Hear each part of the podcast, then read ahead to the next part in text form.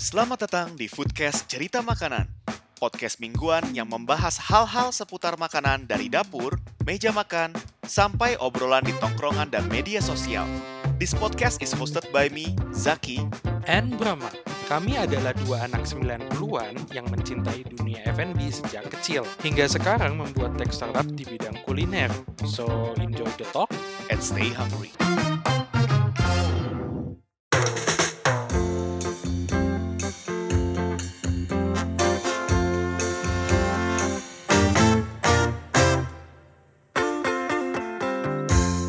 Kembali lagi di podcast cerita makanan bersama gue Zaki. Dan gue Brahma. Nah, di episode 4 ini kita tidak hanya berdua yang mau kita bahas, tapi di kita kedatangan bintang tamu, yaitu mentor kita.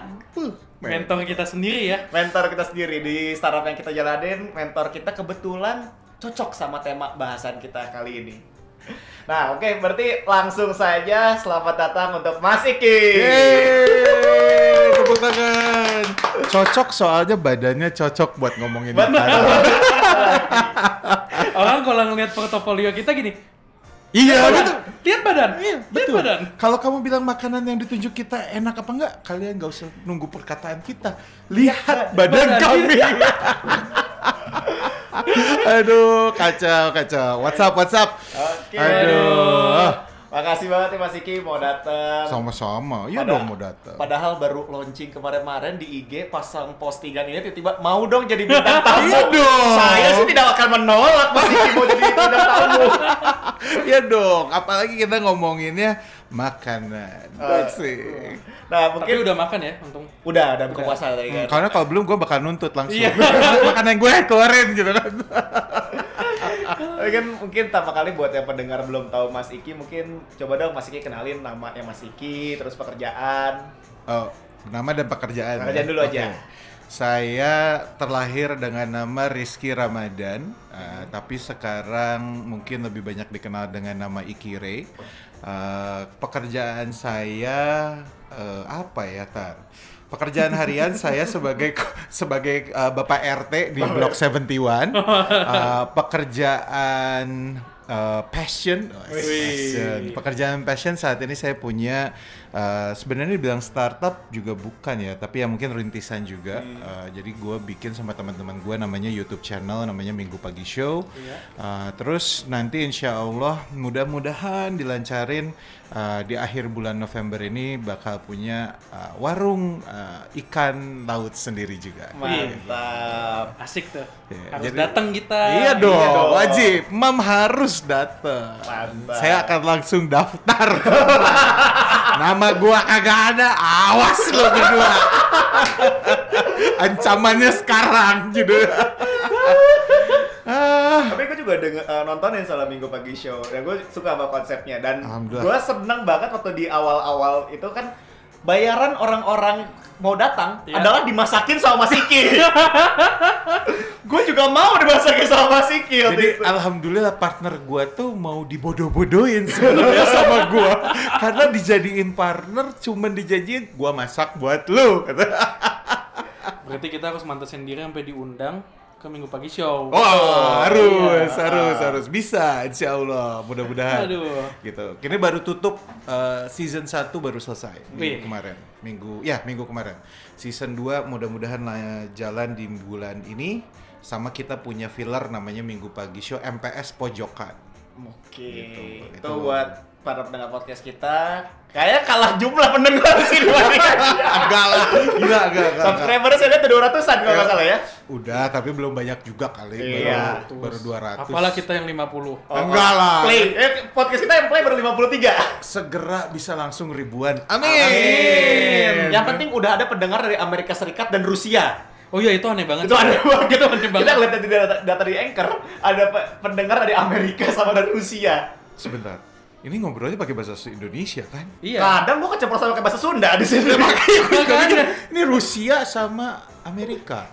Mungkin mereka tertarik untuk belajar bahasa Indonesia. kali Mungkin, ya? mungkin. Oke. Boleh, boleh, boleh, boleh, Oke. boleh. Nah, ke- karena tema kita sekarang ini kemarin-kemarin kan habis ada long weekend di Bandung ya. Dan Iya. Bandung rame gak ketulungan, Yap. macet banget. Dan Bandung itu kan sebenarnya terkenal sebagai destinasi kuliner selama ini.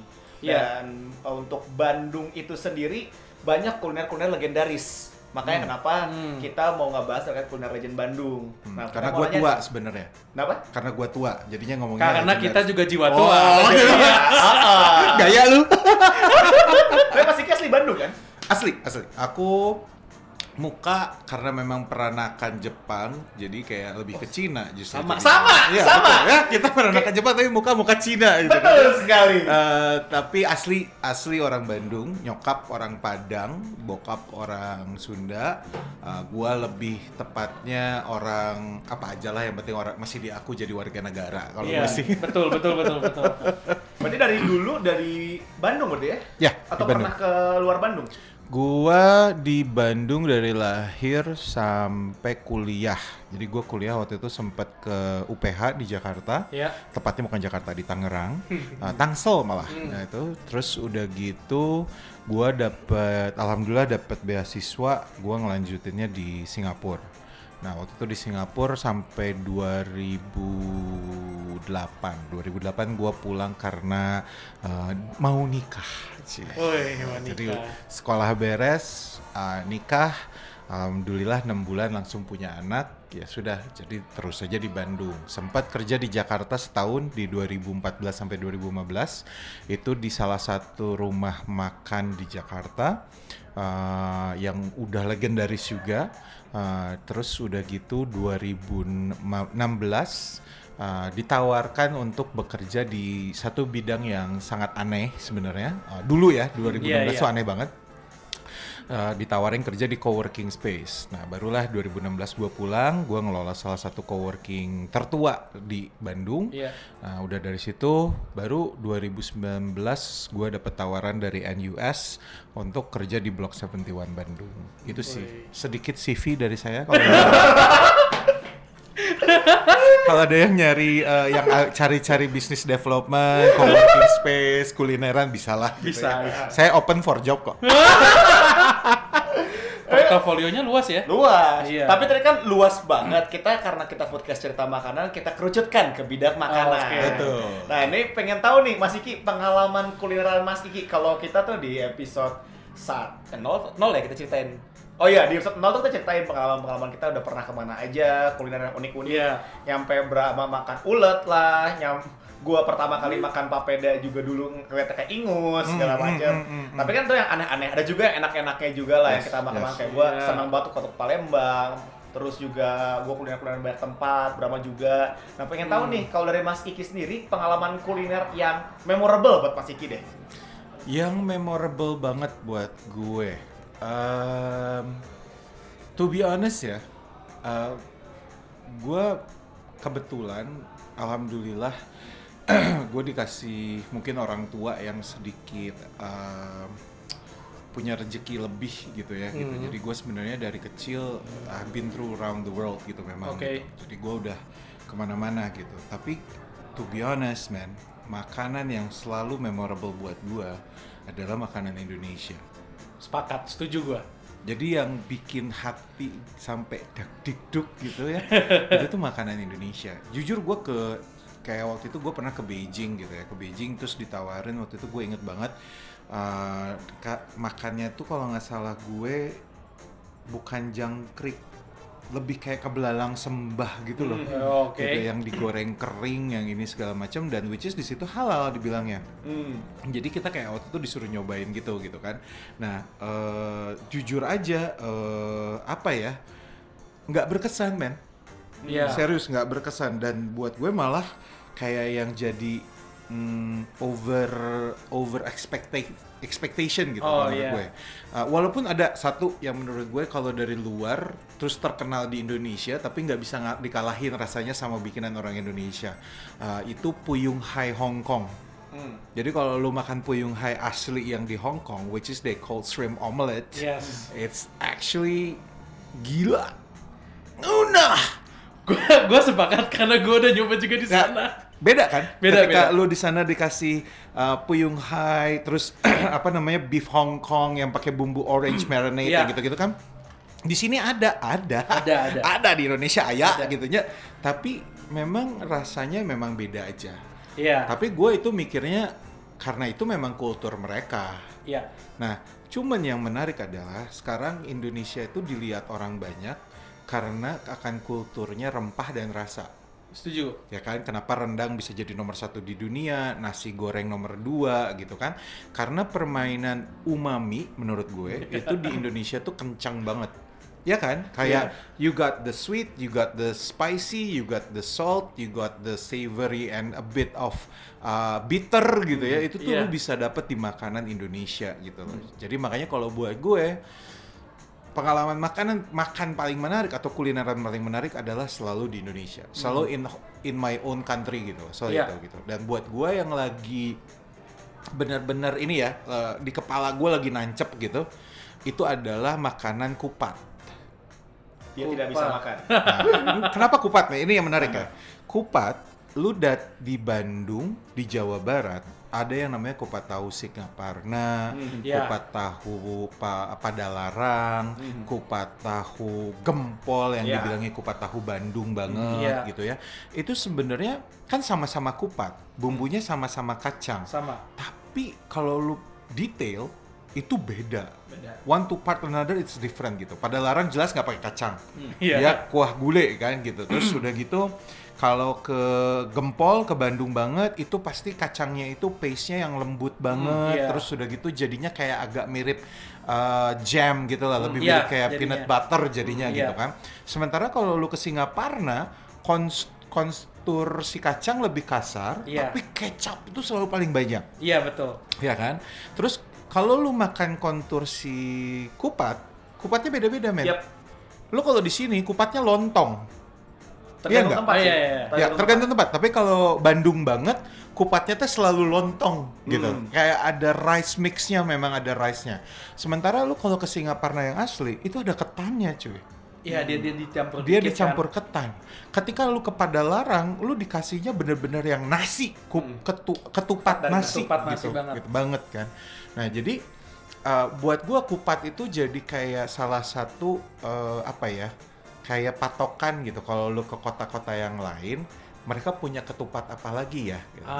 Nah, gua nih kemarin beberapa kayak setahun terakhir lah ya, setahun Iya. terakhir ini tuh lagi concern sama itu. Karena kayak gua ke Magelang, lu udah pernah nyobain belum kue tahu Magelang? Belum belum gua. Yang asli belum. Men, lu harus nyoba. Karena gue kupat tahu Magelang yang gue pernah makan tuh cuman dari brand kat ke kupat tahu Magelang, dari di Cibubur ada gue tahu. Hmm, Nah itu makanya kayak gimana? Ketupatnya kayak apa? Sama bumbu kacang gitu. Bumbu kacangnya itu gue ingat seledrinya kuat. Hmm. Terus apalagi yang notable dari sananya ya? Dia relatif lebih kasar kalau yang gue Hmm. makan waktu itu. Hmm. Eh, dan relatif lebih encer. Oke, selamat Anda tidak makan kupat tahu Magelang. Makanya, Jadi kupat tahu yang Magelang yang benar Hah? itu adalah kacangnya digerus Hmm. kasar hmm, dan tidak ada saus kacangnya. Tapi dia dibanjur dengan kuah cuko. oh beda, beda, itu beda. Dia pakai kuah cuko kayak buat pempek. Iya. Jadi kacangnya ditabur, dia pakai toge, ya. Tapi yang gila itu tamannya si ketupat bukan tahu aja, Ah, oke. tapi sama bakwan. Oh iya, itu sama bener Yes. bakwan ya kalau itu. Jadi ada potongan bakwan, seledri yang kuat betul itunya, tapi dibanjurnya dengan kuah cuko. Oh, hmm. Gue rada-rada kurang inget sih waktu itu apakah yang gue inget teksturnya soalnya Hmm. kan kalau kan encer kan Yes, betul. nah, apakah mungkin emang bener kayak gitu cuman gue rada-rada lupa karena udah lama banget gue udah belasan Nah, tahun gue gak Jadi pulang. Pak, ada namanya kuah eh, ketupat Magelang Pak Lart Lartno. Itu bukan yang ketupat Magelang yang didatengin sama Presiden Jokowi. Hmm. Karena kalau yang di samping kata orang, nah yang di Iya, samping iya. itu yang terkenal banget, yang emang Pak Jokowi tamu-tamu semua datang. Oke. Tapi yang enak itu yang Pak Lartno ini. Dan itu bro, gua makan di situ sendirian, nikmatnya sejuta rasa. Serius. Tapi pada akhirnya gua ke mana-mana nyari itu. Nah, gua ke Ah. Solo, beda Oke. lagi men. Iya iya. Ada yang namanya bukan ket- eh, bukan ketupat, bukan kupat tahu, tapi namanya tahu tupat. Oke. Gue baru denger malah. Nah, itu juga sama, pakai kuahnya kuah cuko. Oh. Tapi dia pakai mie kuning. Hmm, hmm, hmm, hmm. Lauk makin lama jadi makin mirip kayak makan pempek ya. Yes, tapi yang menarik adalah selalu ada bakwan. Dan Oke. kalau di Solo tuh dia pakai sosis Solo, Wah iya. Oh, iya, itu iya. khasnya banget soalnya kan. khasnya banget gitu. Nah Iya. itu itu enak banget. itu enak banget gitu. Jadi makanya kalau dibilangin pengalaman kuliner di Bandung sendiri ya, to be honest man, gua nggak pernah sekarang jalan-jalan. Hmm, gua nggak oke. pernah ke tempat yang hip-hip. Bahkan nih kayak ini aja gitu ya, brew space aja gua baru tahu gitu kan. Wow, keren ya gitu ya. Karena gua nggak pernah. Karena gue lebih seneng main ke uh, jujur kalau misalnya kayak soto gitu ya. Ya. Soto tuh pilihan gua kalau udah di Bandung tuh cuma ada dua. Kalau nggak soto sedap, Ya. yang Boyolali. Boyolali, which is Ya. itu gue suka banget. Sama ada namanya itu anjir gue lupa. Dia tuh di depan di bukan di Beraganya. Jadi kalau kita mau ke arah ke Pasar Baru yang ke kanan situ yang rel Ya. kereta, itu ada soto Pak Entro, Pak Ento, Pak Ento. Pak Ento, Eh, Pak Pak Ento. Pak Ento. Iya. Gue di situ. Karena gue lebih seneng yang memang udah flavornya mungkin udah lama kali ya Iya. udah yang kayak gini. Walaupun Pak Ento sekarang jujur udah nggak seenak dulu sih. Iya, gitu ya. Gue lebih seneng ke Boyolali akhirnya kalau sekarang gitu. Sementara kalau kayak soto ayam, gue paling seneng yang di depannya BCA di Pati Ukur. Gue pernah nyoba itu. Nah, gue tuh di situ Oke. gitu. Dan dia teh udah puluhan tahun juga. Sekarang udah anaknya juga Oh, gitu yang di oke. situ sebenarnya gitu. Jadi kalau dibilang kuliner legendaris, buat gue kuliner legendaris tuh bukan yang terkenal doang Hmm. Setuju. gitu. Tapi justru yang sudah sustain dan sudah lama dia berjuang gitu loh. Bener banget. Gitu. Itu dia karena kadang-kadang informasi kuliner-kuliner di Bandung itu malah yang bener-bener otentik dan bener-bener enak itu taunya dari pribadi. Yes. Dari Iya. let's say kayak ke nanya ke Brahma atau ke Mas Iki yang udah kuliner di Bandung udah lama, itu memang informasi kuliner legend ya harusnya nanya ke orang-orang itu. Mak daripada biasanya gue dulu kalau gue mau kuliner let's say gue ke Jogja Hmm. atau ke mana, itu gue yang gue lakukan adalah gue googling kuliner khas Yogyakarta. Mm-mm. Muncul resultnya ini dia 7 kuliner khas Yogyakarta, 11 kuliner khas Yogyakarta Oke. segala macam. Oke. Gua buka satu-satu, gua lihat yang paling sering termention, oke gudeg, bakmi Jowo, Iya. oseng mercon, and then nextnya gua bakal cari gudeg paling enak di Yogyakarta. Iya. Bakal sebutin ada banyak ini dia tujuh gudeg paling enak di Yogyakarta segala macam. Akhirnya lihat nyari yang paling sering termention gudeg Sagan, gudeg Yujum segala macam. Akhirnya baru gua mapping tuh. Itulah kenapa kami bikin emam. Nah, kami bikin di situ. Kalau ke Jogja udah pernah ke gudeg mercon Mbo siapa namanya Mbo Cunun. Jarik, curi, eh, ja, eh. Pokoknya dia tuh malam jualnya cuma jam 9 malam sampai Tendanya hijau semua bukan? Enggak, brother. Di pinggir jalan dan nggak pakai tenda.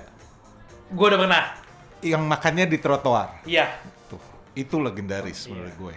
Daripada Sagan, Yujum, Iya, iya, gitu iya. kan. Nah, ini menarik ya karena Zaki tadi bilang bahwa harus ngomong sama personal untuk dapat yang namanya kuliner legendaris. Betul. Karena itu dari experience orang-orang. Betul. Yes. Nah, tapi kan lu tadi bilang, ketika lu ke Jogja, lu masih berharap sama Mbah Google, Iya. Iya. ya kan? Mau nggak gua kasih tahu triknya gimana? Gimana tuh? Gue kenapa tahu itu kupat tahu Palartno itu Oke. ya di Magelang? Karena begitu gue turun Jogja, kan harus ke Jogja dulu tuh Iya. kalau Magelang. Turun nih gue mendarat ke Jogja, gue pesen yang namanya gokar. Ketika gue dapat gokar, gue tanya supirnya, Pak, bapak orang mana? Wah saya orang Jogja mas. Oh gitu. Bapak tahu nggak kuliner Magelang apa? Terus dia bilang, oh mas saya orang Jogja tapi aslinya orang Magelang. Wah. Pas. Pas. Pas Iki banget. beruntung, tidak seperti Anda waktu itu. Tidak seperti saya. Kamu dapatnya orang Bandung lagi ketika Bukan. Oh bukan. Saya Dapatnya pernah orang soalnya. Jogja. Oh dapatnya orang Jogja. Jangan sama. Tapi Jogja kota. se- sebagai gue yang suka kulineran di Jogja Hmm, juga, hmm. akhirnya dia kayak ngasih saran tempat makan. Sebenarnya gue udah tahu sih, itu nggak enak. Gue Iya, udah iya, tahu iya. itu nggak Oke. enak. Tapi dia bilang dia suka kulineran, tapi ya akhirnya pemikiran gue kayak why not give a chance lagi lah terhadap Iya, makanan iya, ini kan. iya. Dan akhirnya salah. memang memang itu based on luck ya. Iya, Based on Tapi luck. kalau gue, gue pernah tuh kayak gitu. Gue pernah karena gue tahu eh, orang-orang driver-driver yang Yes. tourism yang kayak gitu-gitu ataupun yang mereka yang go car ataupun grab car, mereka sebenarnya kalau nyaranin tamu ke restoran mana, mereka dapat fee. Iya, Ya gue kan? tahu Karena itu. itu part of tourism gitu kan. Yes. Nah, gue inget banget, gue pernah sekali dia nyaranin nama-nama restoran yang memang gue tahu dan gue bilang hmm, itu kayaknya turis banget ya. Iya, bilang. Iya, iya. Tapi gue bilang sama dia, Pak, saya lagi nyari yang bener-bener asli Jogja, Oke. yang bukan yang namanya untuk turis, gue bilang, tapi Iya. yang memang untuk orang kalian makan. Oke. Bapak makan di mana gitu. Terus dia bilang sama saya, wah mas, kalau saya bawa ke tempat makan saya nggak enak.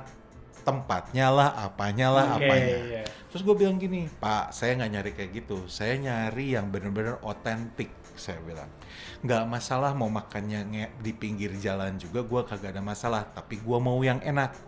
Oh gitu, gini aja deh Pak. Bapak saya sewa sehari, ya, makan sama gue. Tapi gue mau dibawa yang enak. Oke. Deal. Langsung deal, men. Dia matiin semuanya segala macamnya, gue bayarin ininya, gue full gue kasih.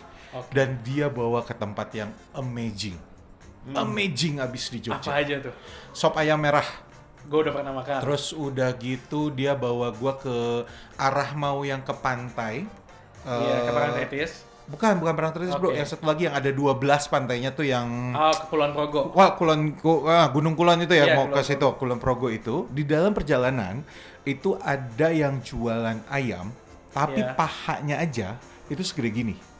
Segede Oke. gini itu buat yang pendengar podcast kami. Oh iya, aja. Jadi eh, segede kurang lebih mungkin eh, du- Kepal tangan orang dewasa kali ya. dua kali lipat atau tiga kali lipatnya Oke. ayam standar. Dan ternyata itu adalah ayam kampung khas daerah itu. Iya. Dan men, sumpah enak banget. Sambelnya enak, ayamnya enak, tapi emang tempatnya enggak banget. Iya, sepakat. Tempatnya enggak banget. Jadi gue pernah dibawa tuh sop ayam mer, kac- ah, sop ayam merah itu, Iya. terus udah gitu kasih ayam goreng itu, si gudeg mercon tadi, Iya. terus udah gitu. Oh ini satu lagi di Jogja itu ada satu dia bilang gini, Pak saya mau ngajak yang terakhir yang agak enak, Oke. tapi agak mahal. Oh nggak apa-apa. Tapi gue tuh lupa namanya apa. Jadi itu dibawanya agak jauh. Iya. Tempatnya emang enak, adem, asri gitu ya, kayu-kayu. Terus makannya itu nasinya yang masih dipakai suluh. Aduh, kayaknya gue tahu deh itu. Wah itu tuh itu menurut gue nih kelatak percaya nggak lu? Dia Hmm, nggak bawa gue ke Pak siapa yang di nggak bukan. Dia bawa tuh gue lupa namanya Pak Pak, Bar ya? siapa? Bukan bukan Pak Barnya. Ada kan ada Pak Pong, Pak Bar tuh yang biasanya Iya, bersaingan iya, gitu. iya, yang Ini tuh ada di antara mereka berdua. Oke. Ya dan tempatnya tuh sebenarnya di tengah-tengah antara mereka berdua, men. Ba- konteksnya papongnya bukan yang udah sekarang yang baru ya kan dia punya yang gede kan. Ini yang masih di pasar. Oh enggak, kan Pak Pong ada dua tuh yang pasar sama yang ininya. Iya, iya. Nah ini tuh yang baru, yang, yang baru. baru. Kan itu jalannya kecil banget tuh, Iya iya. gelap gitu. Nah itu lu kalau ke ujung itu tuh ada sebenarnya. men. Oke. Nah ini yang menarik. Jadi gue sebenarnya kalau nyaranin teman-teman kayak Ki kulineran gue ke mana ke mana ke mana gitu ya, Iya. gue selalu bilang kalau gue udah ada punya stok gue kasih. Jogja ada nih stok gue, gitu gue kasih kan. Tapi kalau misalnya ke kota yang gue belum tahu, gue selalu nyaranin sama temen itu kayak lu pakai taksi atau apa pun itu yang lu akan jadikan transportasi, tanya Iya. orangnya dari mana dan bilang bahwa lu nyari yang asli Iya. gitu loh. Nah memang harus biasanya agak biaya lebih ya di situ jadinya. Iya. Nah, tapi jujur aja men, di Magelang aja ya, gue pernah jalan. Jadi setelah gue dari Kupat Tahu Palarno itu, Iya. gue jalan sendiri, jalan pakai kaki, jalan Iya, kaki. oke. Gue nemuin ada embok-embok jualan sate kere. Ah, sate kere. Sate kere tahu kan? Iya, nah, lemak. kan, oh bukan Eh, bro, Yang sate kere lemak atau yang pakai mana nih? bukan sate kere tempe. Oh, tahu tahu. Soalnya kalau Jadi, di Jogja ada sate kan- kerenya lemak. Lemak, Nah, ya. Betul. Kalau di di situ di Magelang, sate kere itu tempe. Oke. Hmm. Yang benar-benar literally satu tusuknya harganya hanya 250 rupiah saja. Zaman gini ya cuy. Itu yang bikin gue kangen selalu ke Jogja. Itu makanya jadi eh, memang mungkin rasa curiosity gua kali ya kalau sama makanan tuh gue memang mencarinya sampai segitunya gitu loh. Jadi kalau kayak kita ngomongin kuliner legendaris gitu, sebenarnya di Bandung tuh banyak, banyak banget. Mhm. Tak justru yang menurut orang sudah terkenal buat gue nggak semuanya valid sebagai kuliner legendaris kalau buat gue. Oke. Iya. Gitu. Sepakat kita juga kayak gitu ya. Nah, mungkin berarti di episode ini kita nggak bakal ngebahas kuliner legend yang kata-kata Google segala atau kata-kata sosial media. Iya. Yang kita bahas tuh yang otentik versi Mas Iki. Masa? Wey. Ada, ada. Jadi berat kok kayak gitu. Pertanggungannya berat soalnya. kan. Tapi tadi menarik kayak lu tadi ngomong bubur kan, kalian ngebahas bubur. Bubur. Iya, iya. Sampai lu pada akhirnya gak bawa makan bubur gitu. Tapi gue mau nanya, bubur terlegendaris dan menurut kalian secara flavor yang paling oke di Bandung di mana? Gua harus bilang bubur Jamika sih, bubur malam Jamika Hmm. karena Zaki. Cuman ada ada ada yang spesifik buat gua yang bubur itu unik banget. Di mana? Ini lebih kayak jadi bubur Chinese ya, Ah, ah. nah, bubur Cina gitu. Di bawah pasar baru. Oh, ya kan? Nah, itu omnya tuh kalau bikin bubur luar biasa enaknya. Hanya nggak halal. Jadi tahu sekarang. Pembelaan kedua, saya udah lama nggak makan. Nggak nggak. Tapi tapi dia halal kok. Iya, iya. Gue tahu dia Iya, halal. iya, Gue bercanda, bro. Tenang, bro. gue mau mastiin aja dia gitu kan. Oh, gue dites tuh, mastiin bener ke bubur pasar baru nggak? Tapi benar, bubur itu menurut gue menarik. Iya. Karena kan bubur itu sesuatu yang kayak orang Indonesia tuh pagi itu breakfast salah satu opsinya Salah satu adalah opsinya. bahkan kadang-kadang pilihan utama pertama. Iya. Maka sarapan apa? Bubur aja lah yang gampang, Iya. ya kan? Nah sekarang gue mau nanya, menurut lo ada nggak bubur ayam legendaris di. Bandung yang menurut lo sebenarnya nggak enak banget mas? Ada nggak? Gua Wah, oke, ini mulai bahas yang kontroversi nih. Saya ada suka sih, ini. ada, lah, sih, ada. buat gua ada sih. Kita santai kan di sini? santai. Bisa Kita sebut tidak ada brandnya nggak? sponsor. Tidak Bisa ada. sebut brandnya nggak? Sebut- Boleh sih, boleh nggak masalah. aja. Oke, Soalnya dari kemarin gue sebut brand ya. Iya, Iya. sampai kita nyebutin ini kayak kalau sarap eh, cuaca-cuaca kayak gini enaknya makan bubur. Dia malah bilang, enggak, Indomie. Langsung gue bilang, kami tidak sponsor Indofood, tapi kalau Aston Salim ingin sponsori kami, kami tidak menolak. Gak apa-apa, Pak Akson Salim kemarin baru ngirim kita pop meter baru. Oh, iya, iya, iya, iya, saya lihat, saya lihat. Oke, di mana menurut kalian bubur ayam Bandung yang kata orang legendaris tapi enggak? Gue dulu, Silakan. Zainal. Oke, Zainal ya. Iya. Kenapa? Tidak sesuai ekspektasi gue, karena men- sampai saat ini bubur gue kalau gue lagi pengen makan bubur pasti bubur malam Jamika kalau gue terus yang kalau misalnya gue lagi agak rada pengen kalap topping gibas Oke. Iya. terus apa lagi ya kalau lagi pengen bubur yang rada unik PR pikir rakyat yang kuning Oke. terus eh, udah sih kalau gue lagi ini ya paling bener ada satu bubur di di Setiabudi Setiabudi supermarket turun dikit sebelah Pak kiri Gunawan. ada yang di depan kasum lah gue lupa Pak namanya Gunawan. ah iya Itu, langganan gue dari SMA. oh iya Ya, itu sama- enak tuh gue random Anaknya soalnya se- di SMA 2 juga sama gue. Oh, Oke. Gitu. Jadi oke. memang beliau baik sekali dan memang itu salah satu bubur Indonesia yang sudah mix ke Cina Ah. dan itu rasanya emang enak kalau menurut Hmm. gue Pak Gun. nah itu sih kalau gue yang bubur gue biasa makan ya itu Kalau lu mak gue sih honestly ya dulu tuh gue suka bubur Zainal tapi makin ke sini hilang standarisasinya makin makin nggak ada spesial spesialnya sama yang kedua bubur Mang Oyo hmm. iya Oke, kenapa? karena ntar dulu karena basic buat gue gue lebih banyak bubur Cina Hmm. makanya di keluarga keluarga gue lebih banyak itu jadi kalau untuk bubur yang banyak makan kayak bubur kasum pun banyak banyak yang belum gue coba kalau bubur Ya, ya. kayak gitu tapi kalau bedah bubur Cina hayo siap. Nah, gue bisa bilang ini menarik karena yang gue kontra adalah bubur yang disebut tadi sama Brahma. Itu Menurut gue, bubur Mang Oyo adalah bubur paling tidak enak. kayak emang gue nggak suka juga Oh, oh maksudnya, oh, lu maksudnya, oh berarti sama. Ber- sama sama Alasannya kenapa? Kenapa? Tapi hanya karena bubur Cina itu doang aja. Bukan, bukan, bukan, bukan, bukan. Kenapa menurut lo? karena apa ya konsep sih terutama sama apa yang dia sajiin itu nggak fresh harapan orang makan bubur itu fresh Ya. dia ayam tuh udah udah udah kayak abon ya ayamnya kan betul, Nah, betul. Udah kering banget. udah kan? kering banget dan yang ekspektasi orang pengen makan bubur tuh di luar bubur itu bahan-bahan yang fresh yang baru matang segala macam ada sayur eh, bawang daunnya yang kayak Iya, gitu-gitu dia nggak fresh semua bahkan sampai sekelas hati ampela yang udah dimasaknya itu dia kayak dalam Keras. freezer keras yang kalau kalau di kitchen tuh udah bilang minta maaf tuh bikin itu. Udah dibuang. Udah dibuang. ya setuju. Em, jadi gini ini punten pisan buat Mang Oyo. Eh, tapi Iya. memang benar buat gua bubur Mang Oyo itu is unperfectness of badness gitu loh menurut gue gitu loh. Jadi Iya. udah mah jelek terus nggak perfect jeleknya gitu kalau menurut gue gitu kan. Kenapa? Karena gue gue pernah makan itu sekali. Oke. Literally just one time. Gue langsung back off karena gue bilang gini when you when you sell something it means you serve the people. Yes. Right? Lu tuh jualan makanan sebenarnya nge-service orang. Sehingga dari flavor dari pelayanan Iya. lu harus yang membuat orang ini gimana caranya akhirnya repeat. Ya kan? True. Bubur Mang Oyo menurut gue ini orang si Mang Oyo ini kayaknya perfeksionis banget. Sampai nggak ada kecap. Ya kan? Iya, dia iya, tidak pakai iya. kecap eh, isi dipisah, Yes. cakwehnya kering, malah nggak ada cakwehnya seingat gue, nggak ada Iya. cakwehnya, cuman ayam mati amplang gitu-gitu doang Iya. aja seingat gue. Jadi waktu itu gue langsung merasa bahwa bubur ini harusnya memberikan comfort sama kita. Yes. Tapi kalau bubur dia bikin susah, ya kan? Karena nggak ada rasanya, nggak ada flavornya, harus diaduk yang kita bikin lagi rasanya. Jadi menurut gua nggak banget. Ya. Nah, kalau gua bilang bubur yang paling brutal buat gue di Bandung dan menurut gue Oke. paling enak, itu justru baru sekarang.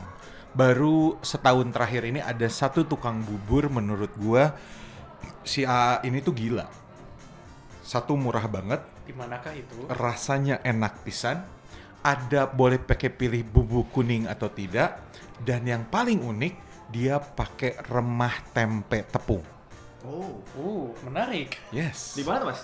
Di jalan eh, apa namanya? Ci sini tuh yang terus kepanjang sini kan pahlawan. Bukan bukan, Bro. Em, pahlawan kan suci nih, suci. Iya. Pahlawan ke kiri terus yang ke dalamnya sini yang arah mau balik ke Tubagus Ismail. Jala perang. Bukan, bukan. Em Astagfirullahaladzim, Rizky, nama jalan simpang apa? pahlawan nih ya. Ah, ah, pahlawan. Jadi lu mentok ke lapangan di Oh, Pahlawan. mentok di Ah, pahlawan, pahlawan, pahlawan. ke kiri. Ke kiri kan ada warnet terus itu gue Yes. belum Nah, Iya, terus. itu lurus sebel- setelah The Besto sebelum Indomaret yang sebelah kiri itu ada warung ayam bakar jambu. Oke. Nah, kalau pagi di situ ada namanya bubur ayam jago. Hmm. Lu Iya. harus coba lu berdua. Harus coba sih. Lu Gua- harus coba. Buat nanti teman-teman dengar uh, podcast ini yang penasaran, ini bakal kita masukkan langsung ke emam.id. harus, harus, harus. Tapi serius men, Iya, iya. dia unik banget. Oke. Harga seporsi itu cuma 9.000 Wah gila sih zaman Ya. sekarang di Bandung. sembilan ribu dan sembilan ribu ini si AA-nya kadang-kadang sok A kacang ngambil sendiri Pe- tep itu re- jadi dia tuh pintar karena dia punya banyak temen dari yang si pastir yang jualan tempe goreng tepung itu itu tuh rupanya banyak remah yang kebuang Oh. sama dia diambil Pintar. dijadiin topping Pintar banget. bubur Pintar-pintar. Pinter banget sih. itu enak aduh aja jadi pengen gua ya itu enak banget men itu enak banget bubur ayam Gue juga jadi itu. pengen sih. Dan lu kalau mesen porsi jumbo, jumbo which is hampir dua kali ya. Oke. Lu tau nggak berapa? Sepuluh ribu. Nambah seribu doang serius. Sumpah, cuma nambah seribu doang. Besok pagi gimana?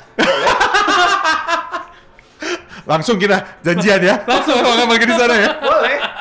Tapi bener, itu itu gue bisa bilang banget ya.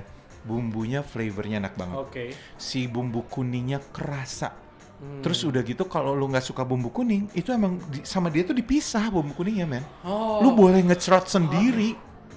Uh, serius. Menarik banget sih. Dan yang gila, lu tau nggak mereka dia pakai kecapnya kecap apa? Apa? Anggur. Gur, ah, kecap anggur. Lu bayangin 9000 perak dikasih kecapnya kecap anggur. Gue tuh kalau ngomong sama si AA, gue suka gini, ah terugi gitu maneh teh. Gitu. Tapi tahu nggak lu jawabannya ya, yang bikin gue selalu berpikir bahwa orang-orang UMKM yang Iya. justru yang pedagang kaki lima inilah yang justru berjuangnya lebih hebat daripada Yes. bos-bos. Setuju. Lu tau gak dia bilang apa? A, udah cukup, saya ada untung, saya bisa hidup, bisa ngidupin anak, bisa ngidupin istri, bisa nyekolahin anak dari jualan bubur itu. Men, gila ya. Gua kadang-kadang sampai malu, gak sih lo? Karena gua malu kadang-kadang tuh tempe, Iya. tepung itu, sekedar kan dia taruh di meja, Iya. setoples tupperware kecil, tuh bisa habis sama gue sendiri aja itu aja doang. Sam, eh, sebenarnya gue juga kadang-kadang suka nggak enak ya berarti ya. Kalau kalau makan bubur PMI, Ah, iya iya. bubur iya, PMI, iya. kan dia naruh di tengah kan buang Iya. daunnya ya. Tapi PMI mahal. Mahal. Tapi kadang-kadang gue juga suka nggak enak sih. Tapi PMI mahal bro, Soalnya apa-apa. saya satu setengah mangkok Oh bawahnya. iya, iya, iya, iya. Wah, kalau Brahma gue yakin lah ke Jago ini pesen yang jumbo ya mak. Wah udah lama ini mak.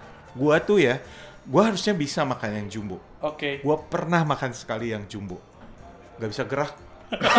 Sumpah gak bisa gerak. Gak, lu bayangin gua yang segede gini ya. Iya, iya. Gua gak bisa gerak. Jadi gua kalau ke situ selalu mesennya seporsi biasa, tapi toppingnya, nah yang lucu telur aja pilihannya bisa ada dua. Telur Wow. rebus sama telur puyuh yang ditusuk sate.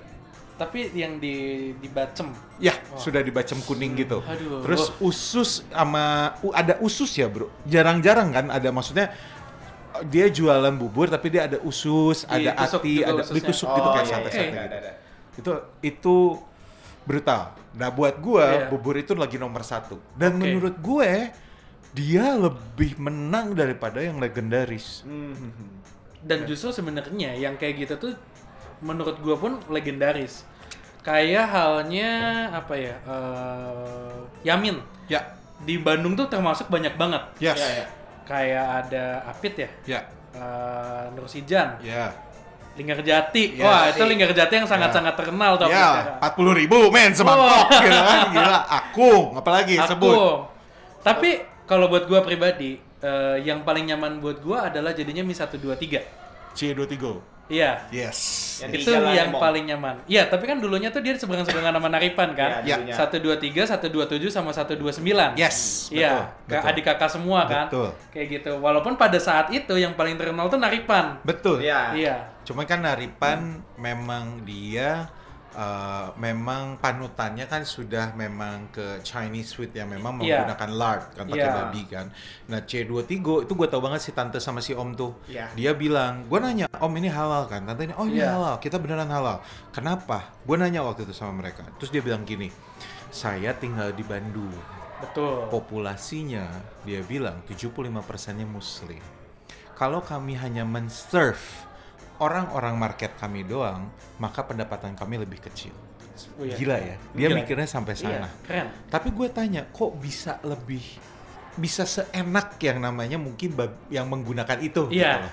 Terus dia bilang karena sebenarnya rahasianya bukan di situ mas katanya. Wah, Oh rahasia ya tante? Oh enggak enggak bukan. Bumbunya bukan di situ. iya. Dan dia ngasih tahu bumbunya di mana. Dia bilang kaldunya itu yang sebenarnya yang ayam itu harus digimanain Setuju banget gua. gitu.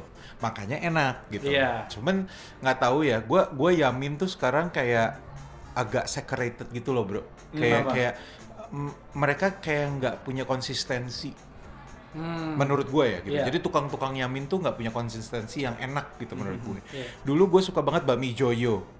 Joyo tuh di belakangnya Telkom. Iya. Terus udah gitu sempet Wale sempet suka, Iya. tapi Iya, iya. lama kelamaan terlalu komersil, akhirnya kurang enak. Iya. Sampai gue balik lagi. Wale sekarang lebih baik. Oh, udah Iya. mulai sekarang ya? Udah lebih baik bro. Oke, Wale sekarang lagi. udah lebih baik. Nah, jadi uh, udah agak enak lagi. Tapi tetap ya pada akhirnya Yamin menurut gue yang paling enak. Tidak ada yang outstanding. Hmm. Iya. Karena mungkin dari dulu banyak ya. Maksudnya Hmm. banyak banyak varian dan dia kan ingredientnya lebih sederhana dibanding yang lain kan. Jadi untuk di outstanding itu pasti ujung-ujungnya ke kuah. Betul. Nggak nggak bisa diamin ya karena basically ya ta- tepung ya akan jadi kayak gitu aja. Betul. Kayak gitu. Tapi pada akhirnya kalau gue jatuhnya ke mie ayam. Hmm, Gue mie lebih ayam. suka mie ayam. Mie Dan ayam tuh menarik loh. Sangat menarik. Sangat menarik. Kalau gue nih sampai sekarang masih belum bisa ngegantiin mie ayam Cipaganti. Oh, Oh, tahu, tahu. Ya, karena Cipaganti, kan? Lu bisa, kalau gue tuh selalu requestnya gini, A kayak biasa ya, kuahnya nyemek. Oh, ya, pakai saus yang banyak, dikecapin lagi, sambelnya yang pedas, Iya. diaduk ulang, plus ada gorengan di sebelah. di mana lagi lu makan mie ayam? Pakai topping bala-bala. Iya. Cuman ada di mie ayam Cipaganti, men. Hanya di Cipaganti satu-satunya. Tapi Oke. itulah yang menarik buat gue. Jadi kulinernya gue cukup banyak. hmm. Bandung bisa dibilang gue malah nggak kenal sama yang baru-baru. Nggak terlalu kenal gue justru Iya, sama iya. yang baru-baru. Tapi gue justru lebih kenal sama yang pinggir jalan, Hmm. yang Iya. udah lama. Bapaknya gue tahu dari zaman gue kecil dulu. Kayak kupat tahu Singaparna. Ah, Hmm. makin bingung kan lo? Banyak banget kan di kota iya. Bandung ini suka kupat tahu Singaparna. Iya. Nah, gue mau tanya, kalau lu bilang yang paling enak yang mana?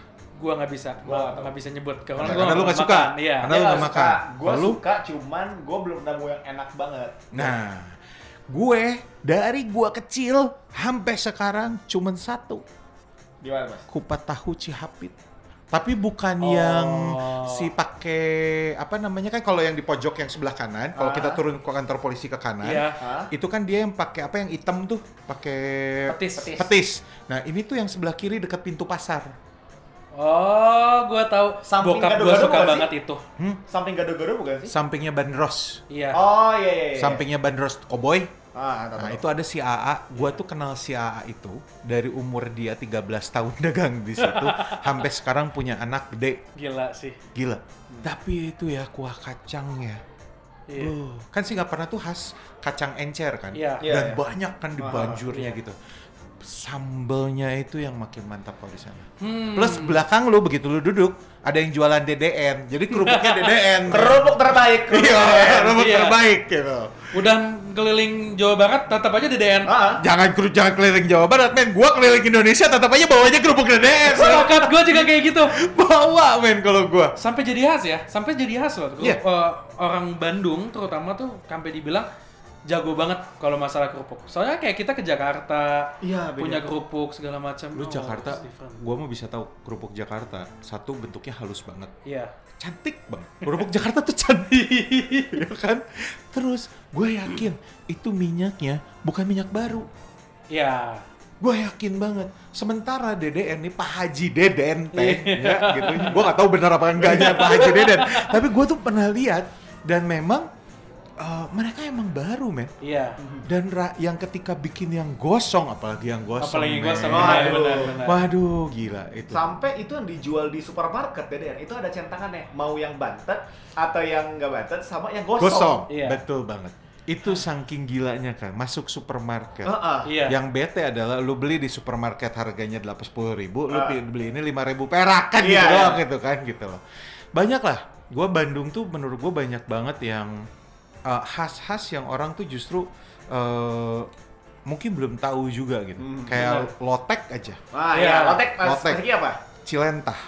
Ah, tahu tapi belum pernah nyoba. Nah, cil- itu tuh namanya lotek pa, para pang, aduh gue lupa nama si ibunya siapa, tapi itu di Cilentah di depan pasar Ancol itu. Iya. Oh, Paranti. Ah, ya, iya, itu langganannya benar. gue juga salah satunya. Nah, tapi sayangnya, ini menurut gue sayang. Ah. Ke sini si ibu teh, si teteh teh kan udah anaknya ya. Ah. Iya. Menurut gue teh tidak bisa menjaga uh, kualitas dengan harga. Oh iya, harganya mahal, mahal banget banget. sekarang. Ya tiga puluh enam ribu atau tiga puluh dua ribu Kalau di. GrabFood GoFood lebih naik lagi tuh. Makanya, Iya. tapi menurut gue flavor of si kan dia tuh pakai pepaya muda buat ngeruknya. Iya. Itunya hilang. Iya. Dan dia tuh selalu kan kerupuk itu dihancurin ke dalam. Iya. Nah, kalau gua ke sana mesen selalu setengah terus udah gitu dicampur nasi langsung sama kerupuk, men. Hmm. Kalau gua tuh gitu. Oh my God. Sayangnya itu berubah Oh. dan men- kurang enak. Hmm. Akhirnya gue nemuin yang baru. Apa tuh? Namanya Lotek Bu Oneng. Oh, dia tahu. di eh, Sukajadi. Oh, atas. di main daerah atas. Itu di atas, Bro. Itu di gang. Harganya kalau di GoFood itu 20.000 ribu. Iya. Tapi lu datang ke situ harganya 16.000 ribu. Beda banget kan, memang. Ya oke lah, banget. gua ngerti karena itu GoFood dan segala iya, iya. macamnya. Tapi bro itu ya, lotek men, yang yang matang Iya, lotek kan matang. sehari gua diemin. Nggak Oh, basi dan nggak basah. Wow. Berarti ngerebusnya bener banget tuh. Betul. Iya. Dan yang gila, dia juga rupanya pakai tuh pepaya muda. Oh my god. Jadi mirip sama si Cilentah ini. Cuman dia tuh terakhir di banjur sama bukan di banjur, dia dia peresin jeruk, Jeruk nipisnya. nipisnya. Wah anjir itu bro. Besok makan siang yuk. Lotek Bu Oneng itu itu juga gila dan dia nggak terkenal. Iya. Hmm. Dia nggak terkenal. Dia buka literally cuman buat nge-serve market sekitar rumahnya karena dia buka depan rumah. Hmm. Tapi men, ya GoFood membantu juga lah Iya, memfilter atau mencari yang baru-baru gitu menurut gue. Eh, sepakat gua. Kayak kayak dulu tuh gua suka banget gorengan. Hah, Iya, gorengan itu yang terkenal tuh yang cendana. cendana. Cendana. Gue nggak pernah suka Sama. dari dulu sama keluarga gua. Hmm. Akhirnya dulu keluarga gua itu nemuin yang di Lodaya. Yang di Lodaya atau Kosambi? Palasari. Oh, dekat Palasari. Oh, iya, iya, Palasari. tahu, tahu. Iya, Iya. iya. Dia tuh spesialis pisang gorengnya enak banget segala Iya, iya, macam iya. kayak gitu yang yang searah ke Akung ya. Nah, Oh, besok aku nggak situ. Iya, Iya. nah. Tapi udah terakhir gua ke sana mengecewakan banget. Karena si ibu sama si bapak Hmm. udah nggak jualan, udah anaknya. Nah itu. Hmm. Nah, Itu sampai akhirnya gua nemuin gak sengaja gara-garanya di GoFood. Sebenarnya dia nggak spesifik gorengan. Dia tuh jualnya pisang goreng kipas Mas Ilham. Hmm. Dia jualan cuman di gang di jalan di Kurdi, daerah Kurdi. Jauh ya bro? kan buat saya dekat. Karena dia Margahayu. Oh iya benar benar benar benar. Makanya tadi kan Bapak bilang suka jadi buat saya jauh banget. Bener kan buat saya ada rumah di sana gitu kan. iya. Nah, tapi itu by far sampai sekarang itu pisang goreng paling enak yang pernah gua makan. Beuh. Gehu paling enak yang pernah gua makan. Kenapa? Karena kalau gua pribadi gue suka tekstur pisangnya yang overcook. Ah, agak keras jadinya ya di ujung-ujungnya. Eh, iya, tapi kalau digoreng jadi le- lembek, Lembek. Iya iya iya iya iya gimana iya gitu kan. iya iya iya iya. Pas dia goreng pisang kipasnya, udah mah tepungnya crispy banget. Pas makan pisangnya lumer kayak lumer di dalam. Ya udah gue bawa lotek lu bawa itu ya. Oke, boleh, boleh.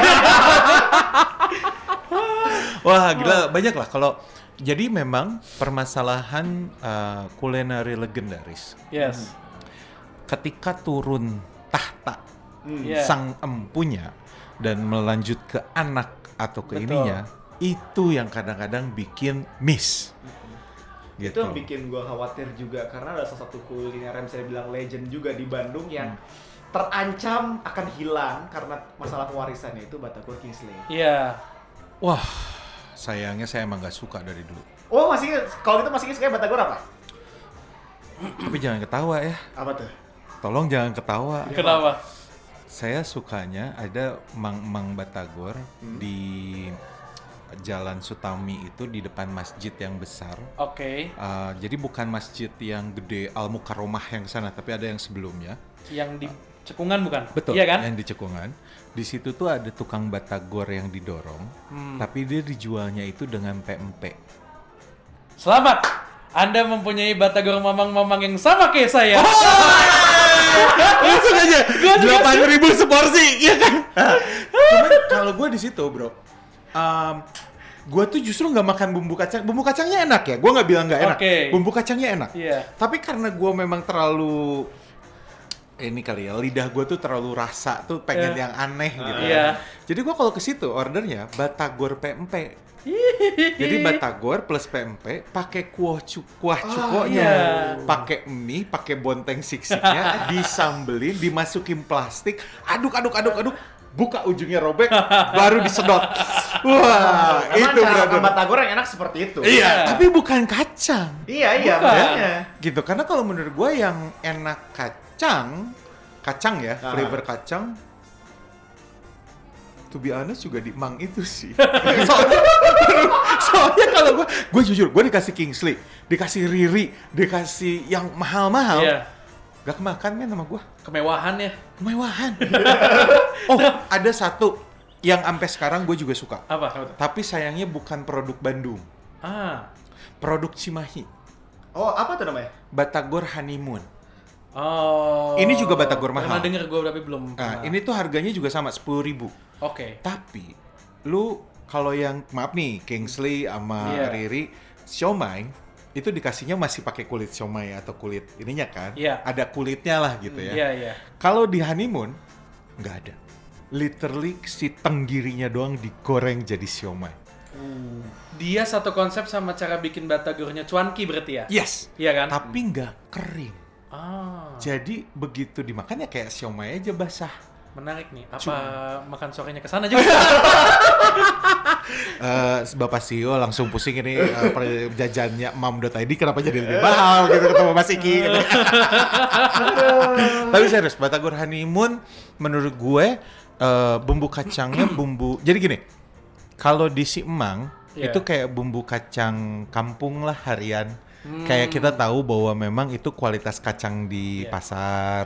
Terus sudah gitu mungkin pengolahannya dengan tangan. Iya. Nah, kalau honeymoon ini pabrik. Oh. Jadi oke. memang mesin semuanya. Iya. Jadi si taste of the peanutnya itu lebih ke peanut butter. Iya. Yang memang uh, lekoh, Ah, uh, minyaknya keluar gitu ya. Dan dia itu yang gila, memang karena sudah partneran sama Yunyi udah lama, Oh, oke. jadi tahunya tuh tahu Yunyi. Nah, cuman nggak kayak Kingsley sama Riri kan kalau mereka potong yang gede segitiga, gedang iya, gitu iya. kan, Terus kegedean. gede banget gitu. Kalau dia nggak men, dia pakai yang sedang. Jadi si tahu tuh nggak overwhelm gitu loh. Iya. Masih kuat di si apa namanya Tenggirinya. adonan si tenggirinya gitu. Dan yang gila tenggirinya dicampur udang, makanya mahal. Tenggiri sendiri sudah mahal. Betul. Tapi kan kebanyakan kalau yang di ini ini kan malah nggak pakai tenggiri, pakai ikan sapu Iya. kadang-kadang ada ya, atau ikan eh, nah, ada namanya ikan balok kalau nggak Iya. salah gue itu kan pakainya gitu kan. Nah, ini dia pakai tenggiri tapi Hmm. campurannya sendiri pakai udang. Makanya satunya sepuluh ribu rupiah. Masih Satu. lebih murah daripada Iya. Kingsley sih. Masih lebih murah. Iya sih, gua gua makanya gua nggak berani ngomong kalau. Cuman tapi gua sayang banget si Om tuh Kingsley gua kenal, gua tahu. Iya. Menurut gue jadi cuman tempat untuk turis dan artis. Hmm, Yes. Buat oleh-oleh gitu ya. Mm-mm, dan Iya. jadinya flavornya nggak kejaga. Terus buat gue kayak overwhelm.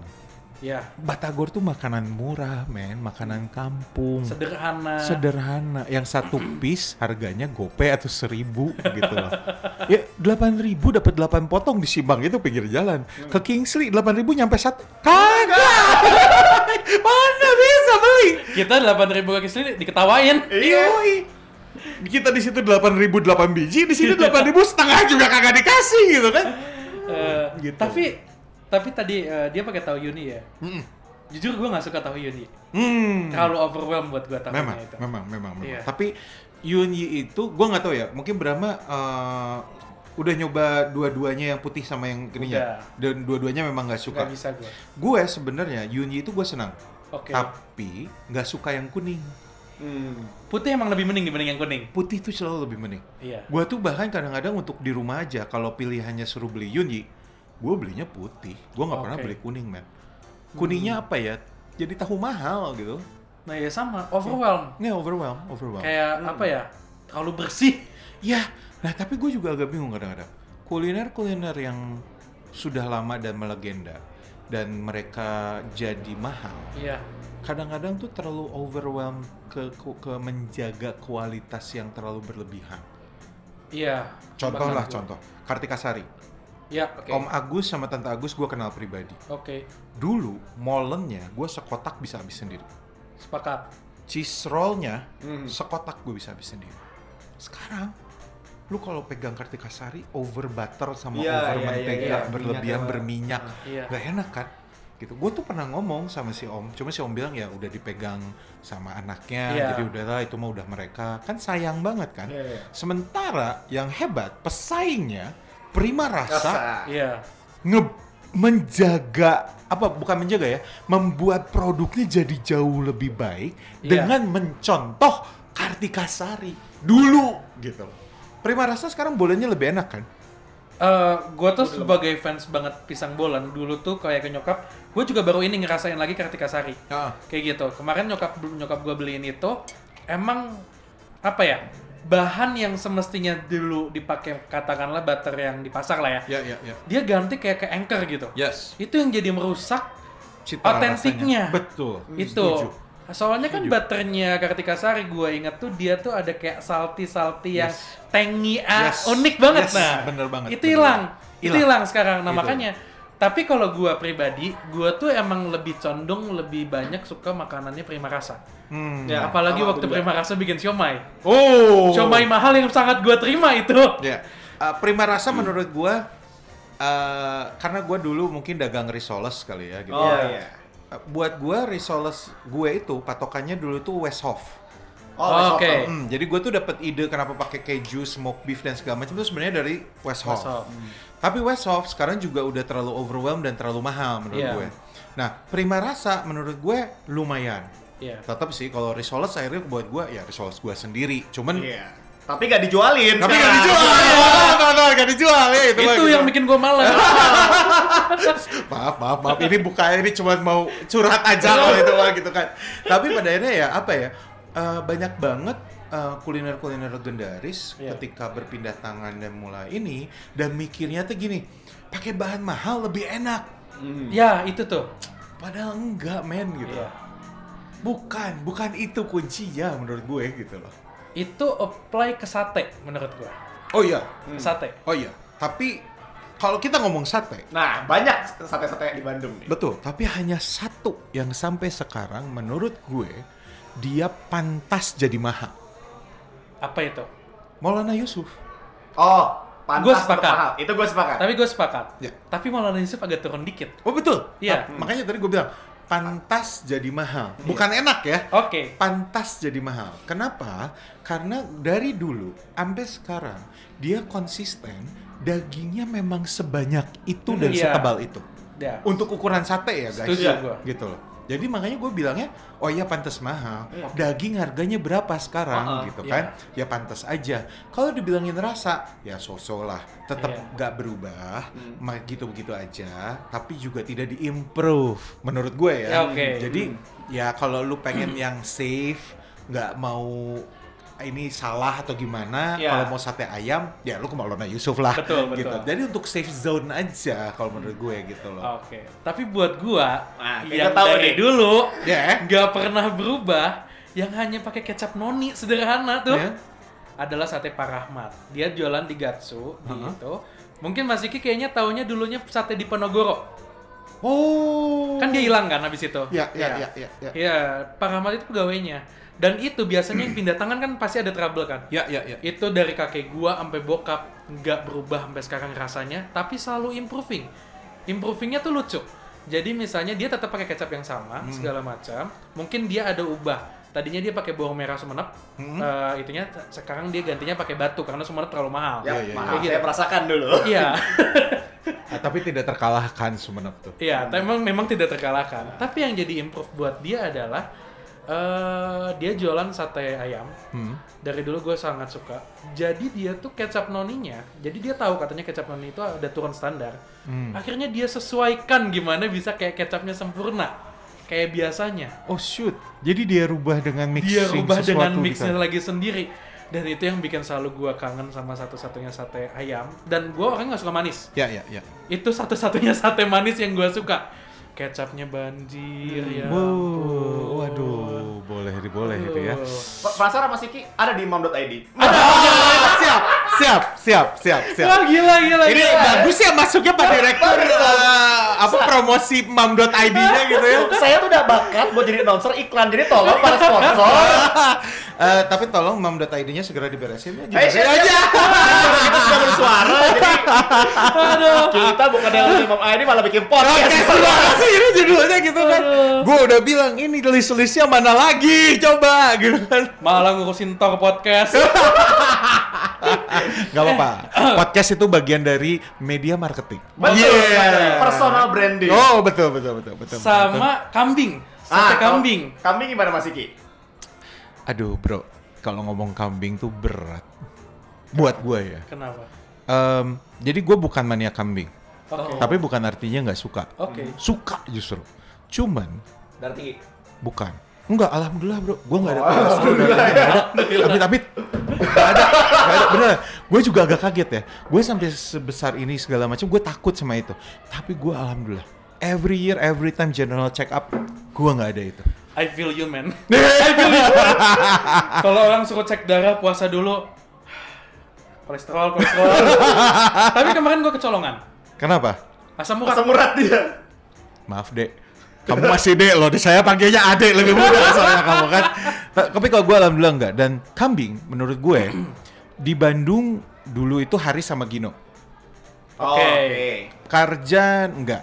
Oke. Terlalu overwhelm. Oke. Overwhelm, kambingnya overwhelm. Kalau buat yang suka kambing cocok karena Cocok. gue doyan banget sama kambing. Yes, ya tapi kalian harus ke Solo. Ntar dulu nih, solonya yang mana?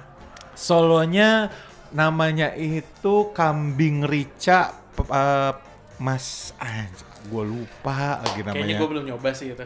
Gue lupa, tapi gue ada di Instagram gue salah satu yang jalan kan gue ada tuh di highlight iki jalan apa makan enak. Oke. Itu gue masukin ke situ. Gue lupa namanya eh, kambing rica apa. Tapi lu bayangin ya, satu piring penuh dimasak di tungku arang, kecap, tomat semuanya disatukan dengan rempah-rempah dan rica. Jadi bumbunya memang merica hitam.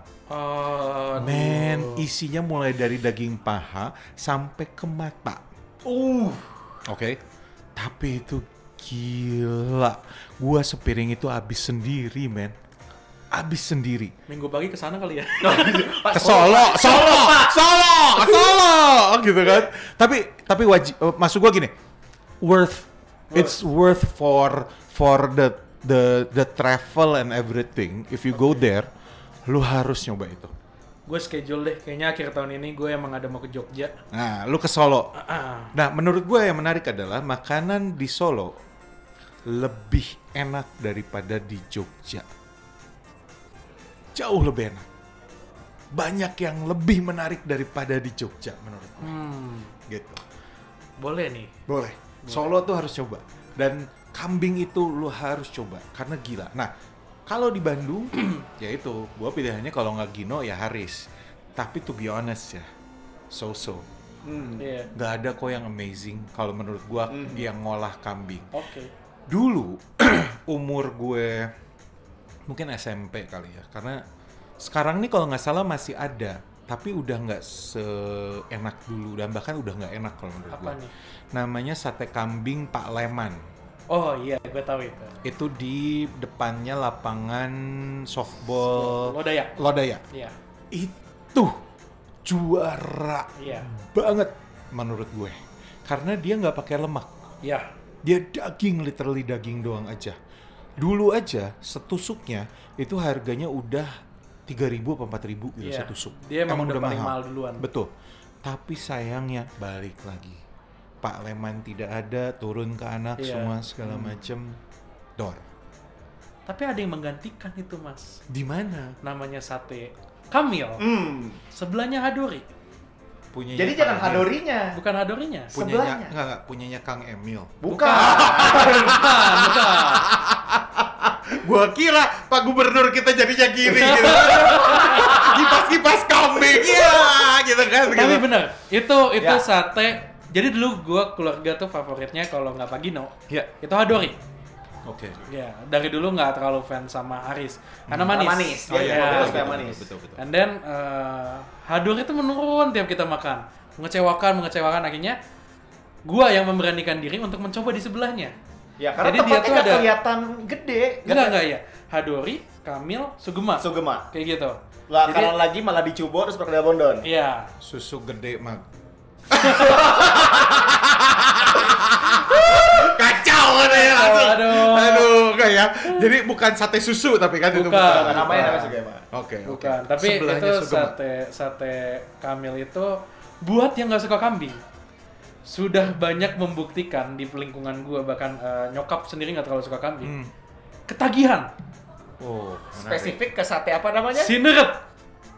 What? Sineret, sate sineret. Sate serot maksud lo? Bukan. Sineret tuh bagian khas Eh, dalam ya sih? Enggak, jadi bukan. gini pas gua tanya di bagian tenderloin kalau kita tahu eh, itu kan di bagian tenderloin tuh ada di bawahnya. Itu bagian paling empuk lagi. Biasa Ya, kalau di ya. sapi tuh ada biasa kalau namanya meltik gitu Iya, kan. iya, iya, iya. Nah, itu bagian kambing yang dia ambil di situ. Oh. Memang harganya mahal. Sangat Setusuk mahal. tujuh ribu. Setusuk tujuh ribu. Ya seporsi tujuh ribu. ribu. Sumpah lo? Serius? Sumpah gua. Oke, itu ya berarti nabung dulu dari Oke, oke. Tapi worth it all the way. Hmm. Dan apa ya? Kalau ke situ tuh, nah ini nih nggak ada emam nih. Kenapa Suka deg-degan. Takut tutup. Nggak bisa ditelepon. Oh iya. Pas nyampe, sineretnya bisa habis, bisa nggak? Ah iya, paling repotnya itu karena kan Repot. di dalam satu kambing kan sedikit banget bagian untuk sate sineret itu kan. Iya. Jadi rada-rada susah kalau buat Makanya, makanya emam.id-nya nggak usah dilama-lamain, pakai paket Iya podcast gimana lagi sih? gimana sih? Orang kamu nyarin tempat makan enak, tapi yang bisa nge-provide bantunya nggak beres-beres. Tapi itu enak banget, beneran. Oke, oke. Nggak Dan di situ ada gulai sumsumnya juga enak. Iya, Oh. gulai sumsum lebih enak di mana gue udah pernah nyoba kayak di Jogja sekalipun. Itu gulai sumsum terbaik menurut gue. Uh, Dia. Oke, oke. Boleh, boleh, boleh. Nanti kita masuk list kulineran bareng bersama emam.id gitu Oh, kan ya. Kita jalan-jalan bareng bikin sama Minggu Pagi Show gimana? Boleh.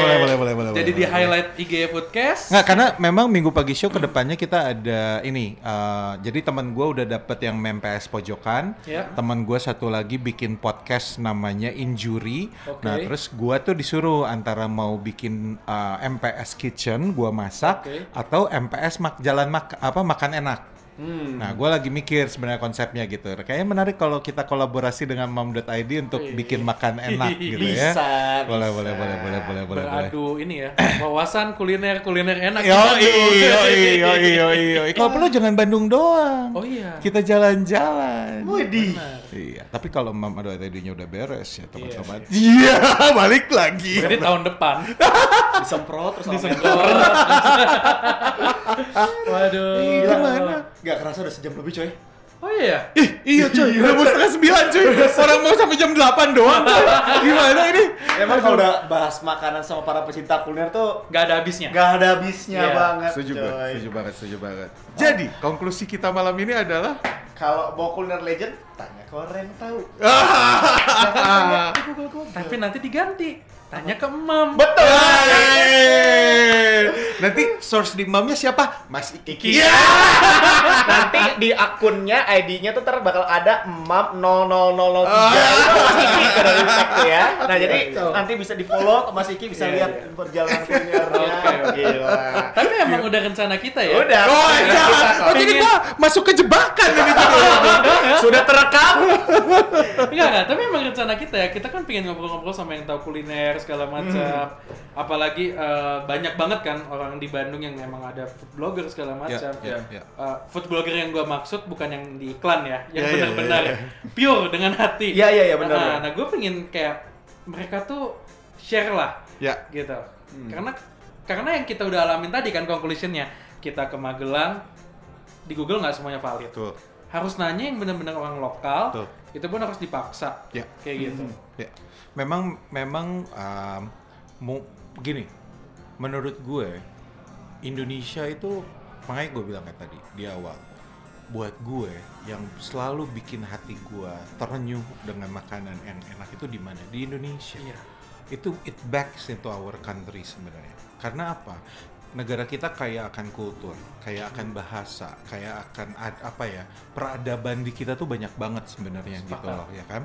Jadi menurut gue makanan yang terbaik di dunia ini itu memang di kita di Indonesia setuju banget gue gitu loh. Nah inilah yang harusnya juga sama teman-teman kayak tadi misalnya food blogger, mam.id, yang cinta kuliner kita tuh nyuarain itu gitu. Makanya mudah-mudahan nih justru nih gue senang banget loh, thank you guys sudah ngundang gue ke Iya. podcast ini. Harapannya justru para pendengar bisa yang namanya menjaga kekayaan atau warisan kulinernya Indonesia. Benar. Gitu. Berat banget ya jadinya. ya? berat, berat banget Berat banget ya. ya, kayaknya ya. harus sampai ada part 2 nih eh tapi dulu sebelum tutup gue mau nanya terakhir sama kalian Gimana? boleh nggak boleh nggak boleh dong kalau makan ikan di mana di Bandung wah itu susah sih kok susah oke gini gue belum pernah menemukan tempat makan ikan seafood lah ya kita akumulasiin aja Ya, seafood, seafood, seafood. dulu ada di depan stasiun Bandung oke pinggir jalan dulu yang jual namanya Om Happy seafood Happy karena happy banget dianya Enggak emang namanya. Terus itu seafood yang paling ngenang di gua, Mengen- nempel banget lah sampai sekarang. oke Jadi patokan gue siap makan seafood adalah rasanya dia. Gua nggak pernah gua nggak pernah bisa ngelupain. Hmm. Kayak gitu. Ehm, sempat pindah ke Rose Flower, Hmm. tapi si Om balik-balik lagi. Eh, Oke. Omnya eh, meninggal, dilanjut sama anak. Eh, sekarang gua nggak nemuin. Sampai sekarang gua belum nemuin. tidak ada lagi jadinya Nggak ada. oke Memang Kalau- hampa sih bagian hati saya bagian seafood oke baik Oh, kalau lu ki Kalau ikan gua pun masih belum nemu yang benar-benar ini ya. Paling banter kalau misalnya belum lagi craving ikan ya paling sambal pesisir karena Hmm. sambelnya gue suka. Hmm. Dan kalau seafood paling seafood Mas Gondrong di Kelenteng. oh Paling cuma dua itu. Jakarta ya Kelen- eh Kelenteng Eh, sini Kelenteng Kelenteng ini, sini. Andir-andir gitu. Mas Gondro oh iya iya gue Mas tahu Gondrong. Kalau dulu kan ada tenda kan Iya, akhirnya iya, iya, pindah iya. ke, Sampai ke dalam. tempatnya Iya, sendiri. iya, iya. Itu doang gua kalau pengen makan seafood. Mungkin kalau gue Mas mau share sa- yang kuliner gilanya Hmm? untuk yang namanya seafood Di mana tuh? Dulu waktu gue SD itu di Cimbuluit ada namanya Mustika Jaya. Pernah tahu? Ya, tapi sekarang udah nggak ada. Iya. Si Om ini khasnya adalah bawal putih yang besar dengan ke kepitingnya. Iya. Tapi bawalnya itu yang lu yang edan, dia tuh dipotong-potong kayak file, men. Jadi lu makan tuh udah tinggal makan banget. Jadi lu oke. udah nggak repot sama tulang yang gitu-gitunya udah. Oke. Tapi dia gorengnya hanya sesimpel digoreng kering dengan bawang putih. Tapi sumpah rasanya enak banget. Itu awal jatuh cintanya gue sama seafood. Oke. Tapi setelah itu hilang. Ada yang ganti namanya pancoran. Dulu di Pasteur. Gue pernah tahu. Nah, itu juga hilang. Iya. Terus yang ngeganti adalah pesanggrahan. Kalau dulu pesanggrahan itu, kalau sekarang tuh di Lengkong. Iya. Nah, tapi berubah, udah nggak enak juga. Dulu tuh di Karapitan, nah sekarang di Lengkong gitu. Nah, akhirnya gue banyak ya kayak tadi ada yang hampa Iya. buat gue gitu ya. Nah, sampailah gue ketemu sama salah satu yang sekarang juga masih ada. Oke. Itu namanya Reds Depot. Gue Red tahu. Depot kayak gue tahu deh. Reds Iya. Depot yang di Pati Ukur nomor Ukur, kan? 5 Iya, iya. itu. Ah. Sayangnya ketika dari kedai berubah menjadi restoran, Ah, ya hilang hilang Iya. lagi. hilang lagi buat gue. Dan akhirnya gue menemukan satu, namanya tukang lauk. Ah, tukang lauk. I, kayak kemarin pernah instastory deh Mas Iki deh. Betul. Iya kan? Saya Oke. pernah instastory. Itu di Cilaki, Oke. di yang komplek makanan kuliner itu. Ah. Oke. Arah yang mau sebelum stick apa road stick ya? Road road stick yang Taman Cibenying ya berarti ya, ya? Taman Cilaki Iya. Cibenying situ. Ada sebelah kiri namanya tukang lauk. Dia khas ikan laut semua. Dan menunya hanya ikan. Oke. Mulai dari ikan bawal, kerapu, etong, etong tuh ayam-ayam, Ayam. Mhm, Bang. ikan barakuda. Oke. Barakudanya juara karena buat gua ke sana selalu barakuda. Oke. Terus udah gitu, yang terakhir nih yang paling baru, dia punya ikan sebelah. Oh. Yang ikan pasir itu yang sebelah gitu. Iya. Sama satu lagi salmon lokal. Uh, menarik sih dia bisa ada salmon lokal ya. Yes. Dan ada sop gurame tawarnya. Jadi dia punya tawar juga, tapi tawarnya hanya gurame gitu loh. Tapi yang gila sambelnya dinamain sambel Tyson. Lu harus nyoba kalau lu senang pedes. Kapan? Dia masih buka sampai jam 12 malam malam Yo! jadi silakan. Kebetulan kan saya buka puasa. Oh, iya, Perlu betul. asupan. Betul. ya kan? Tadi kan udah makan Makan apa? nasi ayam. Gak ada bukti. Anjing, marah. Tapi yang menarik nih ya, yang paling unik juga dari situ adalah lu harus mesen yang namanya ikannya digoreng bakar. Digoreng nggak mesti dibakar. Yes. Jadi udah Uh, crispy, crispy, terus- tapi daging dalamnya tetap juicy karena dibakar. Oke. Itu menarik banget. Oke. Jangan lupa sama kol gorengnya. Ini harus gua tahan-tahan nih. Iya, Nanti- itu lo harus coba. Bisa tiga jam kita nih. Tapi yang pasti, insya Allah, uh, kan sekarang di adanya tuh di Cilaki, Ternate, sama Lodaya. Oh, Jadi banyak dia ya punya cabangnya tiga ya? cabang, betul. Oke. Nah, nanti tunggu satu lagi di Surya Sumantri. Mantap. Oh. Bridgingnya udah ikannya bagus. Mantap memang. Lu kalah. Jadi kalau teman-teman yang senang ikan, insya Allah mudah-mudahan kalau nggak luput, Allah menjalankan dengan ini semuanya sesuai janjinya. Akhir November ini saya buka tukang lauk di Surya Sumantri. Buat yang pengen cari tahu infonya ada di Imam ID nanti. betul banget, betul banget, betul banget. Berarti harus empat-empatnya. Oh harus, Iya. harus, harus, harus, harus. Harus. Itu harus dicoba. Kalau yang senang ikan, terus senangnya ikannya dibakar. Karena gini, ikan kita lagi pengen ngegalain Oke. bahwa ini kami dari ya termaksudnya teman-teman yang dari tukang Iya. lauk bahwa Indonesia itu harus makan ikan. Karena menurut Betul, data yang iya. kita punya, ikan itu menjadi pilihan protein keempat. Dan sayangnya ikan adalah protein terbaik dari ketiga Iya. sebelumnya. Jadi buat teman-teman, ayo makan ikan karena ikan tuh sehat banget dan mudah-mudahan gue tahu sih kadang-kadang kan abis amis kang nggak nggak Iya, enak iya, gitu iya. coba yang di tukang lauk gue bahkan ya teman-teman gue yang nggak makan ikan Oke. makan ikan di situ ketagihan ada Sama mungkin ini ya, buat gua orang yang alergi makan Oh. seafood. ya Eh sensitif. Hmm. Kalau nggak bersih, Ekspektasi gue tuh tinggi. Hmm. Bahkan kayak eh, kalau gue beberapa kali tempat makan ikan, mungkin yang kayak di Pangandaran gitu. Akhirnya gue yang bersihin. Antara OCD sama keber sama berlebihan Enggak, bukan. Karena gue suka banget seafood. ya Tapi gue malas mengkaknya. Kayak gitu dan sering banget kejadian. Bahkan ke makan ikan aja buat gue kadang-kadang bisa tiba-tiba kena kayak gitu. lu harus nyoba karena ikannya bersih banget Yuk, kemarin aja adik gue adik gue nih ya beneran baru kemarin oke.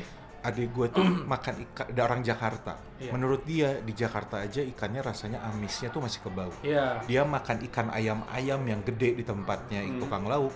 Dia sampai nanya gini, ah kok ini nggak ada bau amisnya gimana ceritanya? Penasaran kan? Ya, jadi saya tutup saja dengan cerita tentang ikan saya. Mudah-mudahan yang pendengar eh, jadi mau mencoba makan ikan setidaknya ya. Oke. Gitu. Nggak harus ke tukang lauk, tapi lebih baik ke tukang lauk ya. Boleh coba yang lain dulu. Iya, benar. Nanti juga ujung-ujungnya tukang laut. Yo, benar. Nanti berikutnya tempat Mas Iki. Yo. Iya. Aduh. Oh, gila, thank you banget nih Mas Iki. Sama-sama. Nih, tadi kita di awal gua kenal ini episode 4 ya? Iya. Kayaknya ini jadi episode 3 ya. Sayang lah. Dari tadi kita studio recording tuh di tembus recording 2 episode, ternyata keenakan ngobrolnya sekarang.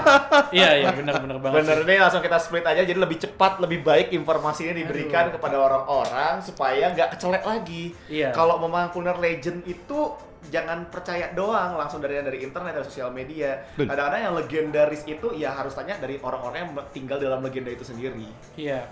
Benar. Oke, thank you banget buat Mas Iki udah hadir Sama-sama. malam ini. Sama-sama. Tolong mam.id-nya disegera. Siap, Mentor. Mentor kita memang Biar gue jalan-jalan kuliner enak ada informasinya, men. Aduh, gimana sih? Tunggu sebentar lagi tanggal 24. Oke. Jadi udah masuk ke recording, launching ini kita sprint meeting kita mampus nih kita. Gua tunggu tanggal 24. Kalau enggak gue nggak akan daftar-daftar, nggak akan Kan, subscribe. kan dari tadi kan gue ngomongnya 24 doang kan, nggak bulan. Eh, enggak di awal udah ngomong 24 bulan ini. ya udah, ya udah. ya udah. Oke, oke. Eh, Aduh. mungkin bisa aja kalau ternyata dari pendengar podcast kita pengen denger lagi kita tektokan sama Mas Iki ya ternyata asik banget ngobrolnya. Waduh, Nanti siap-siap Mas Iki kita panggil Mas Iki nih banyak request nih. Siap, siap, siap. Eh, Insya jadi Allah, bisa insya juga Allah. nanti eh, kalau misalnya suka sama conversation ini pengen Mas Iki lagi bisa mention spam aja Mas Ikinya. Oh, iya. boleh, spam boleh, aja, boleh, spam boleh, aja. boleh, boleh, boleh banget. Gue gampang dicari kok di mana-mana juga. Oke, sekian untuk episode kuliner legendaris kali ini. Terima kasih eh, semua yang udah dengerin. Lumayan panjang nih satu jam lebih. Semoga kalian suka dengan episode kali ini. Kalau kalian ada request tema buat dibahas, bisa mention atau DM kami di sosial media kita di Twitter cerita underscore makanan, Instagramnya Foodcast Cerita Makanan, Instagram gua zaki.muhammad sama Instagram gue pribadi Ramadan Brahma. atau yang mau follow Mas Iki di Instagramnya Mas Iki apa? Ki- Kalau yang mau cari tahu di Instagram aku ada di E EQIE underscore Ray. Iya. RAY. Uh, RAY, betul. Uh, kalau Facebook juga Iki Ray juga. Terus kalau LinkedIn juga Rizky Ramadan. Kalau di LinkedIn agak beda, Rizky Ramadan. Tapi basically gue lebih banyak aktif di Instagram. Iya. Uh, jadi kalau teman-teman mau ngobrol sama gue, gue open for DM. Justru WhatsApp gue kadang-kadang nggak kebaca. Jadi mendingan di DM Instagram. Entah kenapa itu juga. Atau jangan lupa juga follow at Minggu Pagi Show. Minggu pagi Oke, show, subscribe dari YouTube-nya.